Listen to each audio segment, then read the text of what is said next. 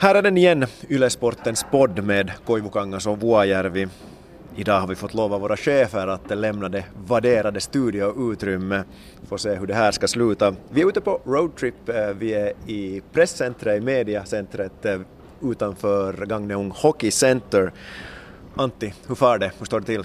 Tack, helt bra. Det är jätteroligt att vara här för jag har ju inte haft så mycket med hockeyn att göra som du under OS. Så att bara att få se hockeymatcher överhuvudtaget, vilket jag gjorde igår kväll och nu idag på dagen, och att sen liksom vara i hockeybubblan en stund är skönt jämfört med att vara i skidbubblan, som är också hemskt bra. Inte något illa om det, men att det är variation. OS är ju inte så brett, så att därför är det skönt att vara här nere också i, i stan. Och det är ju en fantastiskt fin dag idag. Skönt och varmt, behöver inte ha pipa på överhuvudtaget. Riktigt nice. Jag kan inte låta bli att lyfta fram en liten detalj. Det är ju en ynnest att bo i mediabyn där vi bor och, och uppleva allt det där och vår lägenhet den är ju fin och allt, allt så vidare. Men, men, men uh, en intressant detalj i sammanhanget uh, hur de städar våra lägenheter, framförallt då det kommer till badrummet. Idag igen, då jag var där och väntade på att åka på damhockey, så gjorde de igen. Det vill säga, de tog fram handduschen, och de tvättar, städar våra badrum genom att vara fontäner. Det vill säga de sprutar runt omkring, allting precis är vått, golvet,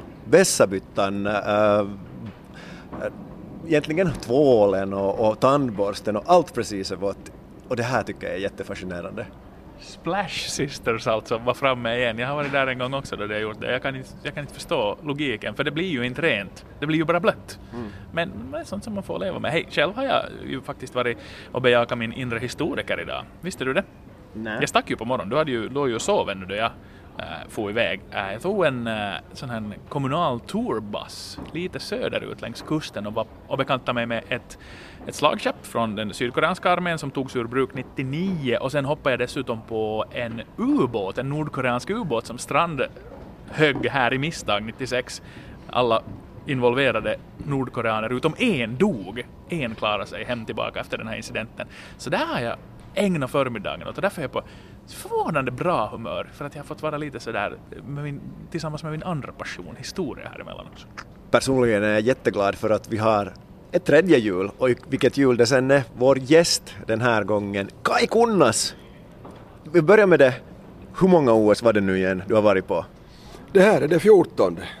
Det här är det fjortonde. Jag satt nog här och tänkte när Eli Tolvanen gjorde 1 plus 3 mot Tyskland att sabla nu är man gammal ändå för att den, den nionde i andra 1992 då refererar jag min första OS-match i hockey och det var Finland-Tyskland i Albertville. Och då var en viss Teemu Selänne 18 år och debuterade och gjorde 2 plus 1. Var Gert Trunchka och Dieter Hegen med då för Tysklands del? Antagligen och Mikhailov Harlam och Petr. det kändes nästan som liksom, på något sätt har 26 år inte, de har bara gått med, inte har man märkt det.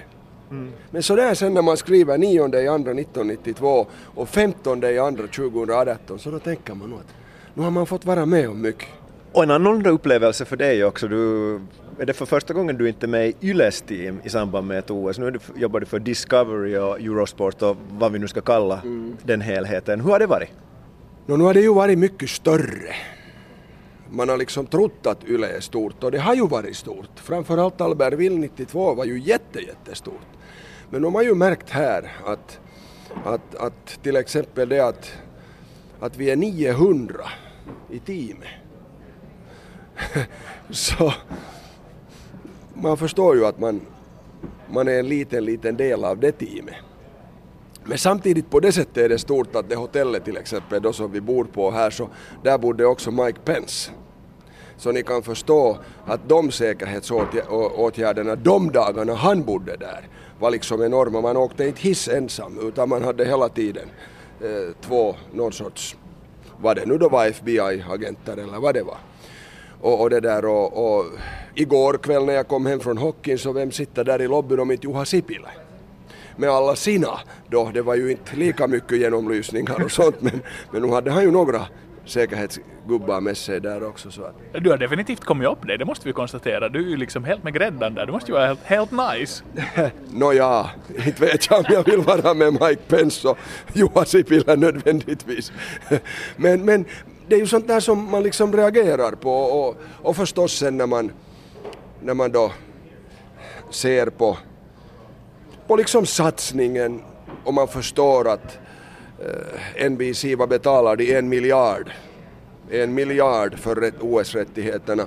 Så då när man så där på yletiden jagar en Snickers någon gång eller något sånt och här finns det mat liksom 24-7 för en så förstår man att nå jo, att mat för 900 personer kostar ingenting. Om man liksom jämför med den där miljarden. Att det är sådana där saker som har, har på något sätt lite öppnat sig för en. Att, att eh, om Kariska någon gång liksom har trott att att, det där att, att Karis är världens centrum så senast nu förstår man att nej, Lasse, Lasse liten. Och jag antar att ditt badrum inte tvättas genom att man sprutar vatten omkring sig? Nej, fast det finns en sak på hotellet som oroar mig. Och det är det att om det skulle börja brinna så kan du ju inte hoppa i hissen. Men trappuppgångarna fungerar bara med fingerprints. Och tydligen inte med mina fingerprints för att jag har försökt liksom öppna den där. Så jag, jag hade faktiskt tänkt på det, jag bor i sjätte våningen av 16. Men inte hoppar man ut från sexan heller inte. Så att jag har faktiskt tänkt att om det börjar brinna, vad gör jag? Jag måste ju ta hissen eftersom inte mina fingerprints funkar. Du får fixa Mike Pence eller uh, Juha Sipilas finger någonstans ifrån hit för att hjälpa dig. Det är väl något sånt, men att, men att det där så att att det har varit annorlunda, det har varit, det har varit roligt men eh, förvånansvärt fritt. Att det är kanske en sån där liten sak som, som, som har förvånat en att, att jag behöver i princip inte bolla mina idéer med någon. Bara jag gör mina inslag och de är rätt längd och tillräckligt många. Att, att det har varit en sån där sak som har förvånat en här i Ylesportens podd eh, Koivukongens Vuojärvi går vi raskt vidare med dagens gäst Kai Kunnas och Kai, vi måste ju förstås fråga av dig omedelbart hur Finlands OS ter sig ur din synvinkel. Vi har ju äh, följt det väldigt intensivt uppe i bergen men du har väl kanske mer varit här på hockeyarenorna. Va, vad har du för bedömning om, om de blåvita?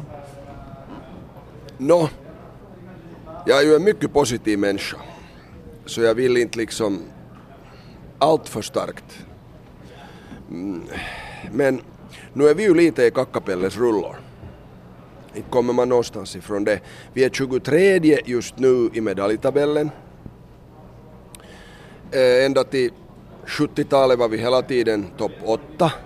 Sen kom Sapporo, vi var nere på en 15 plats momentant men så kom ju Sarajevo och allt möjligt annat och vi var igen topp 10 hela tiden.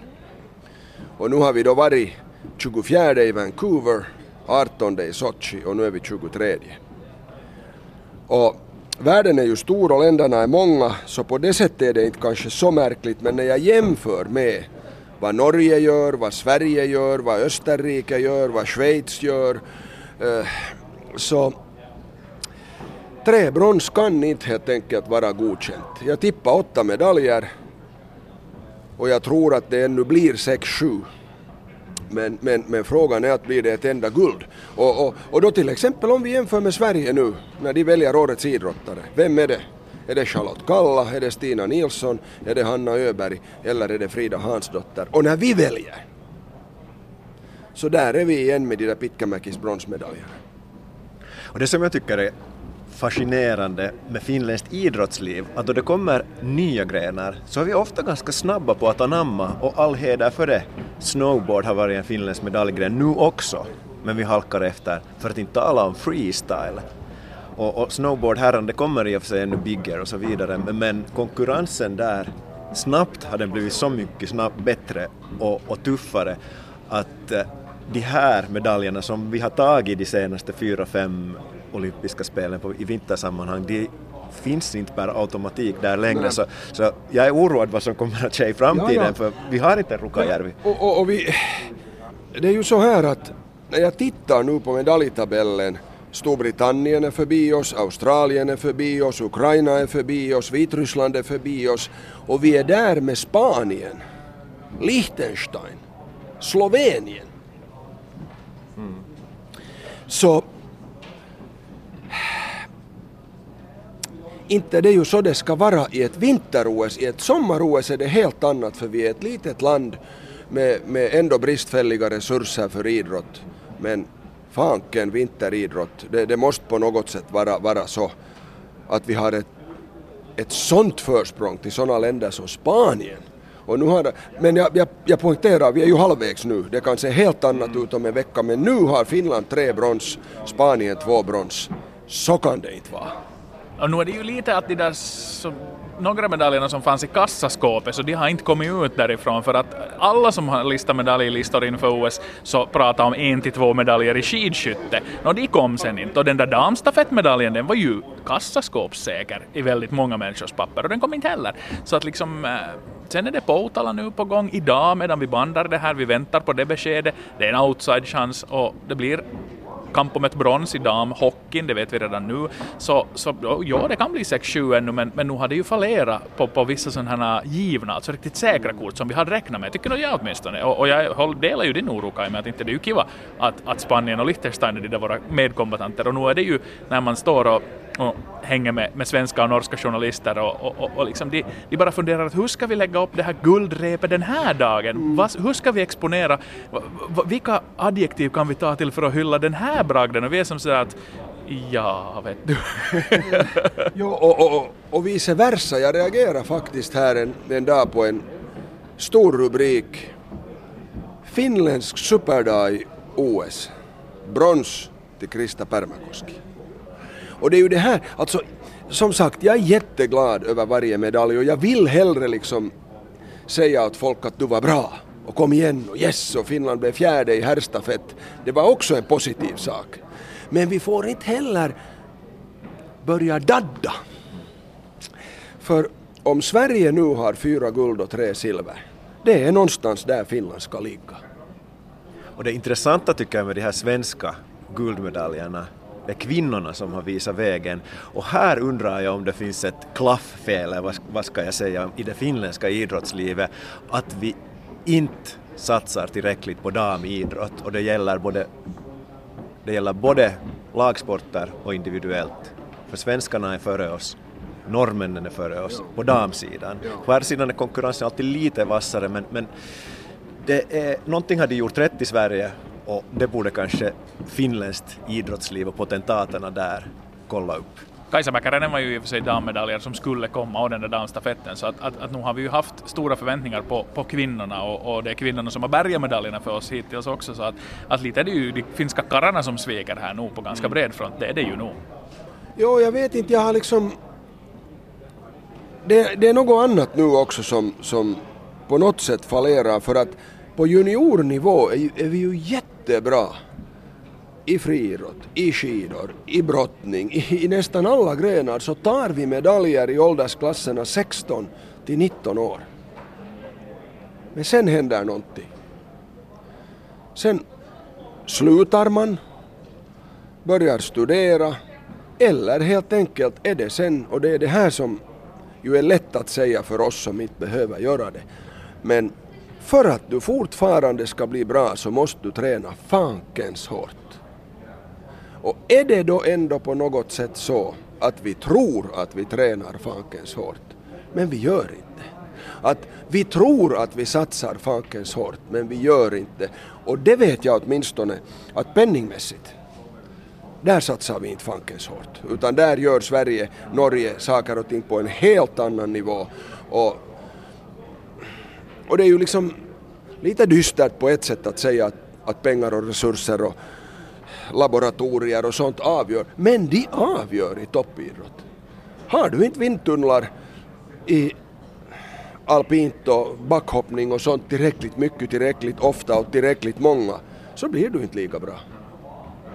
Men det är ju inte bara Finland som presterar, ska vi nu kalla det sämre än vad vi kanske hade förväntat sig. Jag tycker att det är fascinerande att USA gör sitt sämsta OS sedan 1998 och fyra av de här medaljerna, fyra guldmedaljer av fem har kommit i snowboard. Och där är ju den stora fickstjärnan Sean White. Men man kan inte riktigt lyfta upp honom heller på, på det sätt som säkert NBC hade hoppats. Sean White, om ni inte har hört det, alltså, så besudlad i en, en trakasseriskandalen, en, en av hans forna bandmedlemmar har, har åtalat honom och så vidare. Lindsey Vonn eh, uh, är inte på samma nivå kanske som hon var som var som bäst. Mikael Schifrin har i och för sig tagit ett, ett OS-guld men eh, har varit sjuk. Uh, inga NHL-spelare. Uh, eh, sen har många i USA sett på den här Netflix-dokumentären uh, Icarus där, där den här ryska dopningsskandalen har uppdagats och allt det här påverkar sen i sin tur TV-tittarsiffrorna. Jag läste att de är 20 procent sämre än i Sochi, 40 procent sämre än eh, tittarsiffrorna var i Vancouver. Och jag kan tänka mig att i, IOK så är man lite sådär att hoppsan, en miljard dollar har vi fått av NBC för de här TV-rättigheterna. Om tittarsiffrorna i USA dalar så är det ett potentiellt problem för hela olympiska rörelsen. Jag minns ju redan i, i början på OS inför invigningen då det stormade i det amerikanska lägret när man skulle välja sin fanbärare.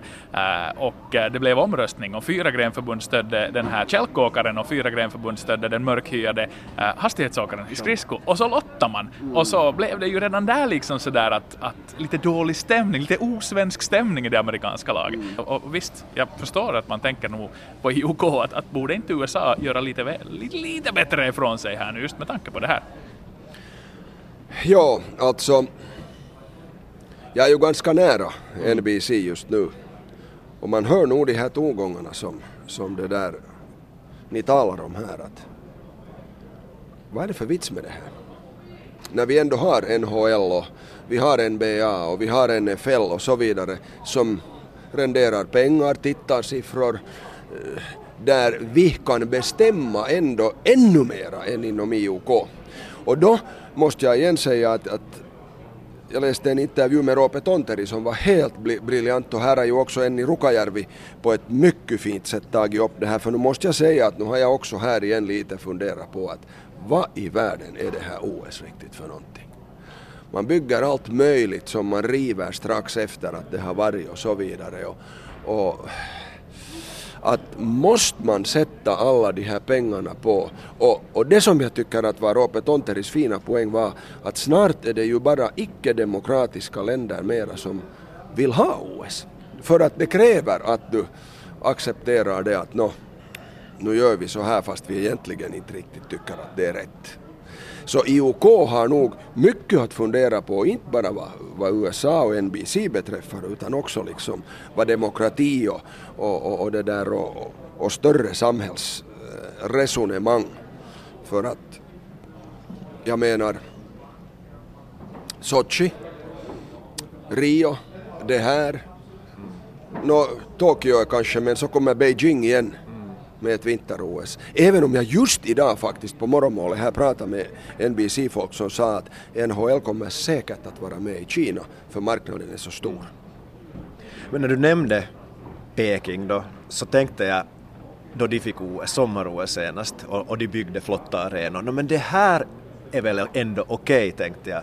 En av världens största städer, ett fågelbo. Det måste väl kunna finnas evenemang tillräckligt för sånt. Ja. De måste väl kunna ha, vad heter den, vattenkuben tillräckligt med simtävlingar för att, för att det ska vara okej okay att ha en så stor arena. Men nu har ju rapporterna kommit de senaste åren att, ja. att den håller på att förfalla, det här ja. fantastiska bygget, det här fågelboet som ju var ett skrytbygge men ändå var en, var en häftig arena. Att finns det faktiskt inte marknadens i Kina för att arrangera konserter och olika evenemang? Tydligen inte.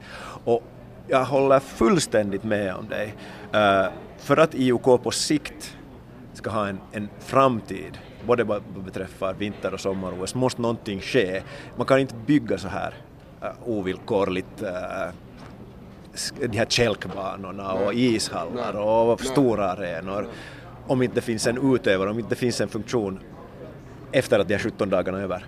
Och, och Där är ju IOK ursäkta om jag avbryter dig Kaj, nog på väg i rätt riktning för det har ju kommit signaler om att när man nu ordnar följande processer för att, att välja värdstäder så måste processen vara hållbar. Och de kommer att prioritera liksom genomförbara planer där redan det mesta finns och inte liksom gå på det här att, att Dubai plötsligt skulle vilja ha ett vinter-OS och säger jo men vi bygger det, en, kälk, eh, en kälkbana inomhus, vi kyler ner det, inte är det något problem, vi har pengar.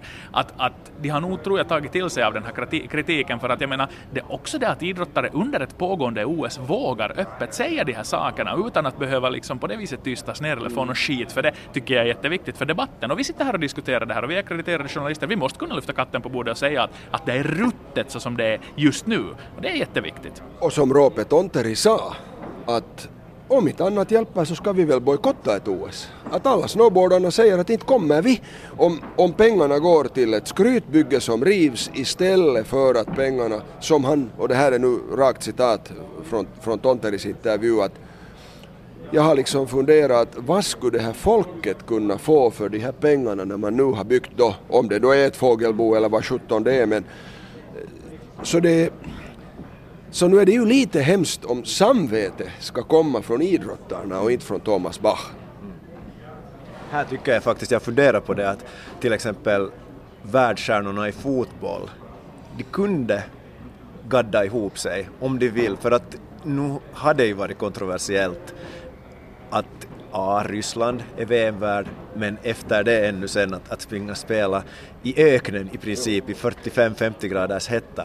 Om Messi, Ronaldo, vem ja. de sen kommer att vara om, om några av de här stora stjärnorna får med sig resten, säger att vi vill, ha, vi vill ha vår röst ja. hörd. Och det här gör man ju i USA. Spelarfacket i NFL, NBA, NHL har ändå en ganska stor roll i det hela hur ligorna utvecklas. Klart det att ägarna är ännu rikare, de är ännu starkare, men de har lyckats påverka hur de här proffsligorna har utvecklats och, och, och, jag skulle gärna se att idrottare som Tonteri och Ronaldo och Messi och så vidare skulle ta sitt ansvar och, och bilda fackförbund. Ja, för, för att nu är det ju till exempel så att, att IOK har ju så att säga lite tvättat sina händer och sagt att nu tar vi hårdhandskarna med ryssarna. Ni får inte åka till OS. Och så gör man så här märkliga listor som inte jag förstår mig överhuvudtaget på att eh, ännu Antti Koivukangas dopad eller ännu Krisu Vuojärvi dopad eller ännu Kai Kunnas dopad. Men skulle Ronaldo och de här säga att vi spelar inte fotis-VM i Ryssland och Qatar. Vi har ju färdiga arenor i både England och Tyskland och Spanien och Italien, vi spelar där. Vi kommer inte.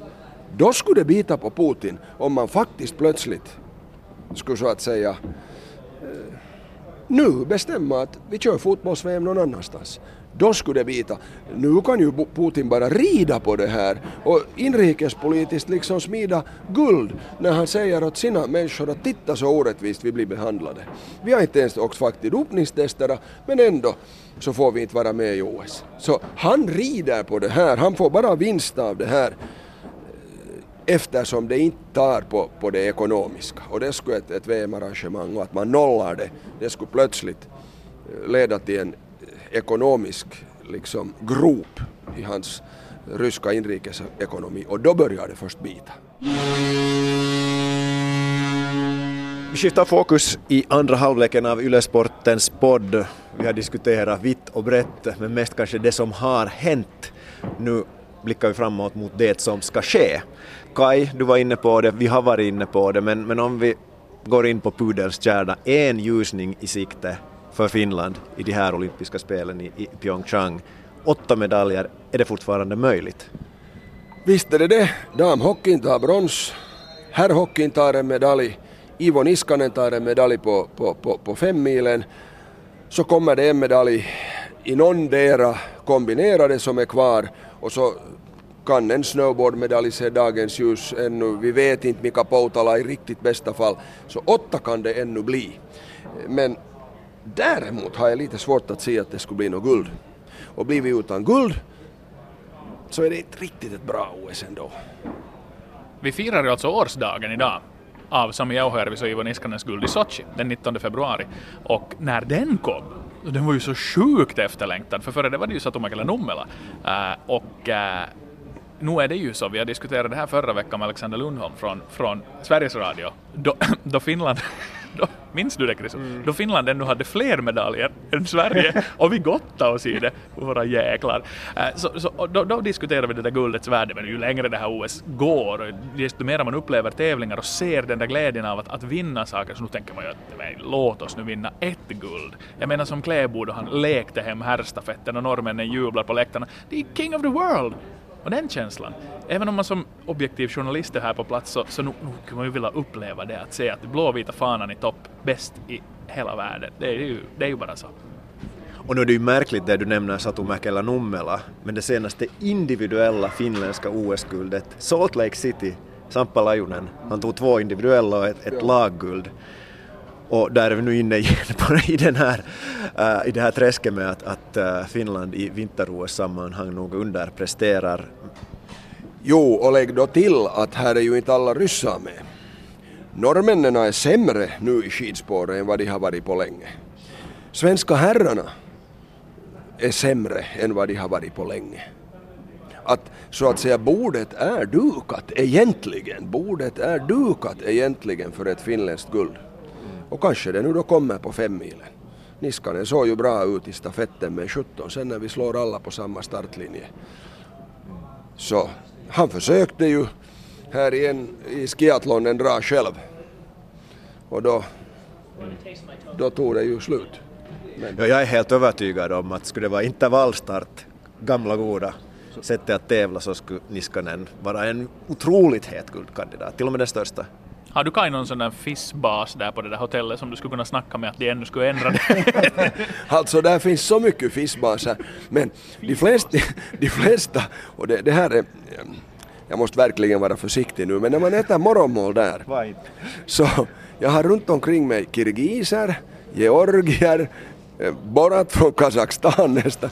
Alltså, de har absolut de bästa och högsta våningarna allihopa från de här länderna. Och då är man ju lite sådär fundersam. Men, men, men, nej, men alltså, där finns så mycket FIS-delegater och de gör säkert de mest märkliga beslut mm. i bastuavdelningen där på kvällarna. Men, nej. men som sagt, bordet borde vara nu dukat för flera finländska skidmedaljer för att nu, nu är det ju ändå så att, att OAR är inte lika bra som Ryssland. Så är det bara.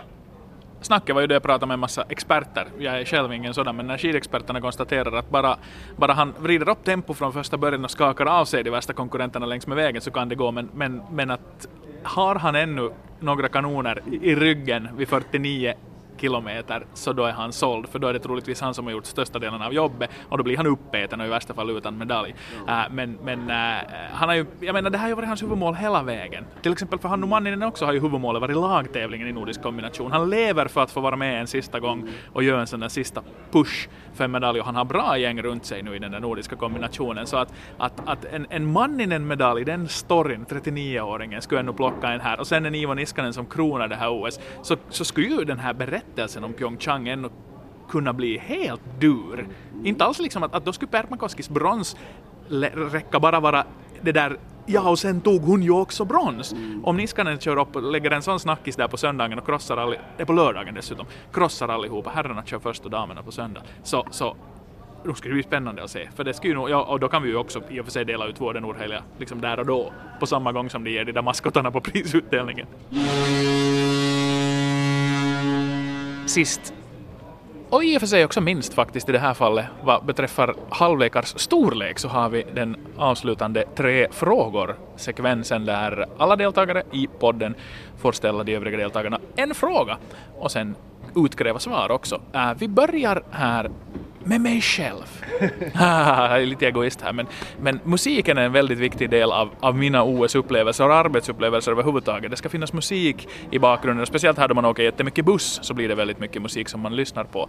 Äh, min fråga till er är OS hittills, vilken låt beskriver upplevelsen bäst, skulle ni säga? No, nu är det, jag tycker nog om Let Everyone Shine. Och när vi nu har pratat så mycket om att Finland ska ta det ena och det andra så vill jag faktiskt betona att för mig spelar det ingen roll hur det går för Finland. Det är så skönt att se någon som vinner, någon som kramar om en annan, någon som blir överraskad över att det går bra. Och sen, let everyone shine. Så här ska vintern vara som den är här. Inte en flinga snö, några grader minus, man behöver inte mocka, det är sol från morgon till kväll. Mm. Bra sagt och jag kan inte låta bli nu här att, att lyfta fram det. Jag uh, åkte buss här i förrgår och bredvid mig satt en malaysisk fotograf. Och hon är Malaysia första gången med i de här tävlingarna och hon hade varit på skridskoåkning och en kanadensare vann guldmedalj. Och så råkade hon bara se en man, hon kände inte vem det var, men som var med tårar i ögonen. Och det var då hans son som hade vunnit och det var en fantastisk bild och det gav mig kalla kårar. Jag håller fullständigt med dig Kai. Någon vinner alltid i idrotten och det är det som är så härligt. Och det sker överraskningar och på det sättet är, är, är jag tycker att det är sån ynnest att få vara här. Måste vi avbryta? Behöver du en näsduk en stund här? Det blev lite blödigt här. ja, det, det, det, får det vara. Och det, dessutom är min låt lite blödig också. Det är från 60-talet, Vashti Bunyan Train Song. Jag tänkte citera här. It's so many miles and so long since I've met you. Don't even know what I'll find when I get to you. But suddenly now I know where I belong. It's many hundred miles but it won't be long. Det är lite vemodigt men den här låten är också hoppfull. Jag tycker att det är man är så här länge borta hemifrån och det vet ni själva, man saknar sin familj något fruktansvärt och den, den där dagen när man återvänder den kommer närmare och närmare. Men samtidigt, I know where I belong, att, att det känns så rätt att vara här, det är sån ynnest och det här var jag blev blödig här och så vidare. Så, så det, det, vinter-OS och OS överhuvudtaget, stortävlingar. Tänk vilket privilegium att vi får vara här. Vad ska jag säga efter det där? Inte kan jag ju toppa det där. Uh, nej, för mig är låten faktiskt en musikal. Beat. Oklahoma. Nej. Uh, från uh, Les Miserables, One Day More.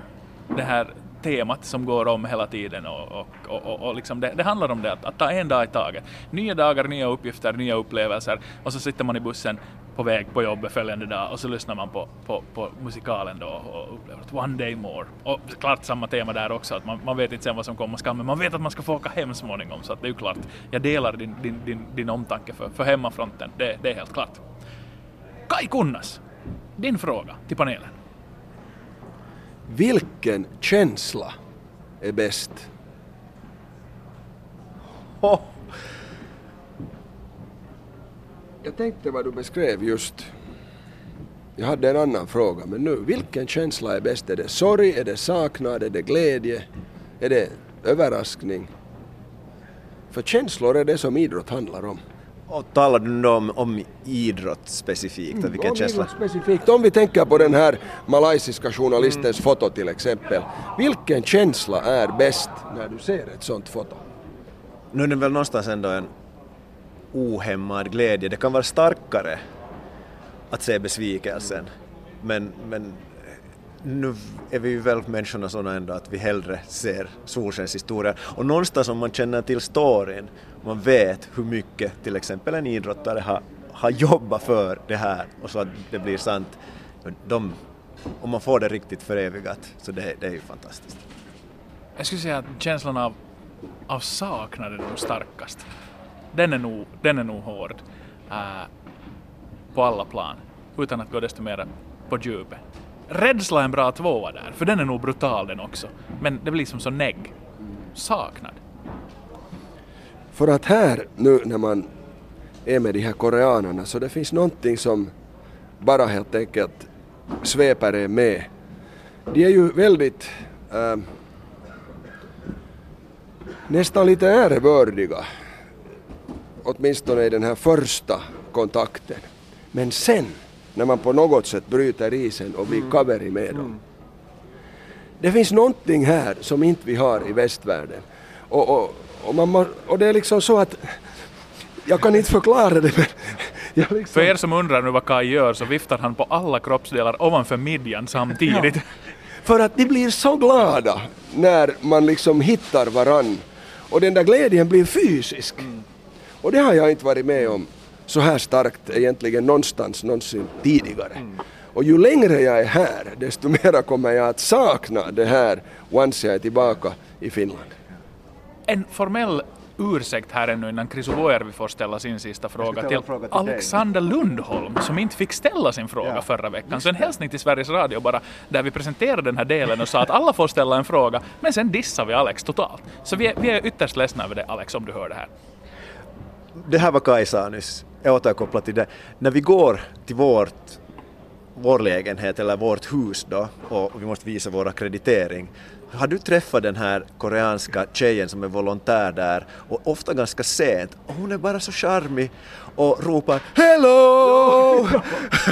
och, och man kan komma och är lite trött och sådär och jag blir bara så glad då hon kommer, det är ohämmat och hon känner igen mig och, och jag först efter tredje gången då det var samma dam som ropade ”Hello!”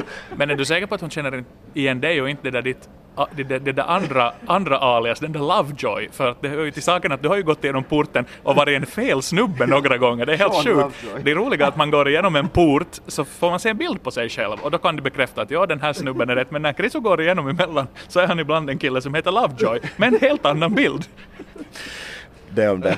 Får jag ställa min fråga? Uh, ni har haft så fina frågor, men jag har en, en, en lite tråkigare, men ändå nyfiken på vad ni har att säga. Vilken nation är den bästa idrottsnationen per capita, det vill säga eventuellt inte USA som har massor med invånare och tar medaljer. Är det, är det Norge, är det någon annan som, och, och nu talar jag inte bara om vinter-OS, jag talar om alla idrotter, lagsporter och så vidare. Äh, Sverige är fantastiskt, det måste man nog konstatera. Jag menar ta alla fotbolls-VM som de har gjort och, och all ishockeydominans, alpint, friidrott, you name it. Jag menar 15 år sedan så var det ju ett av världens bästa länder på friidrottande, de tog medalj på så sjukt bred front. Och sen här också hur bra som helst, så att, att lite måste vi dra hemåt mot, mot Norden. Jag har andra alternativ också, går mot kanske Balkan då, men, men jag säger Sverige.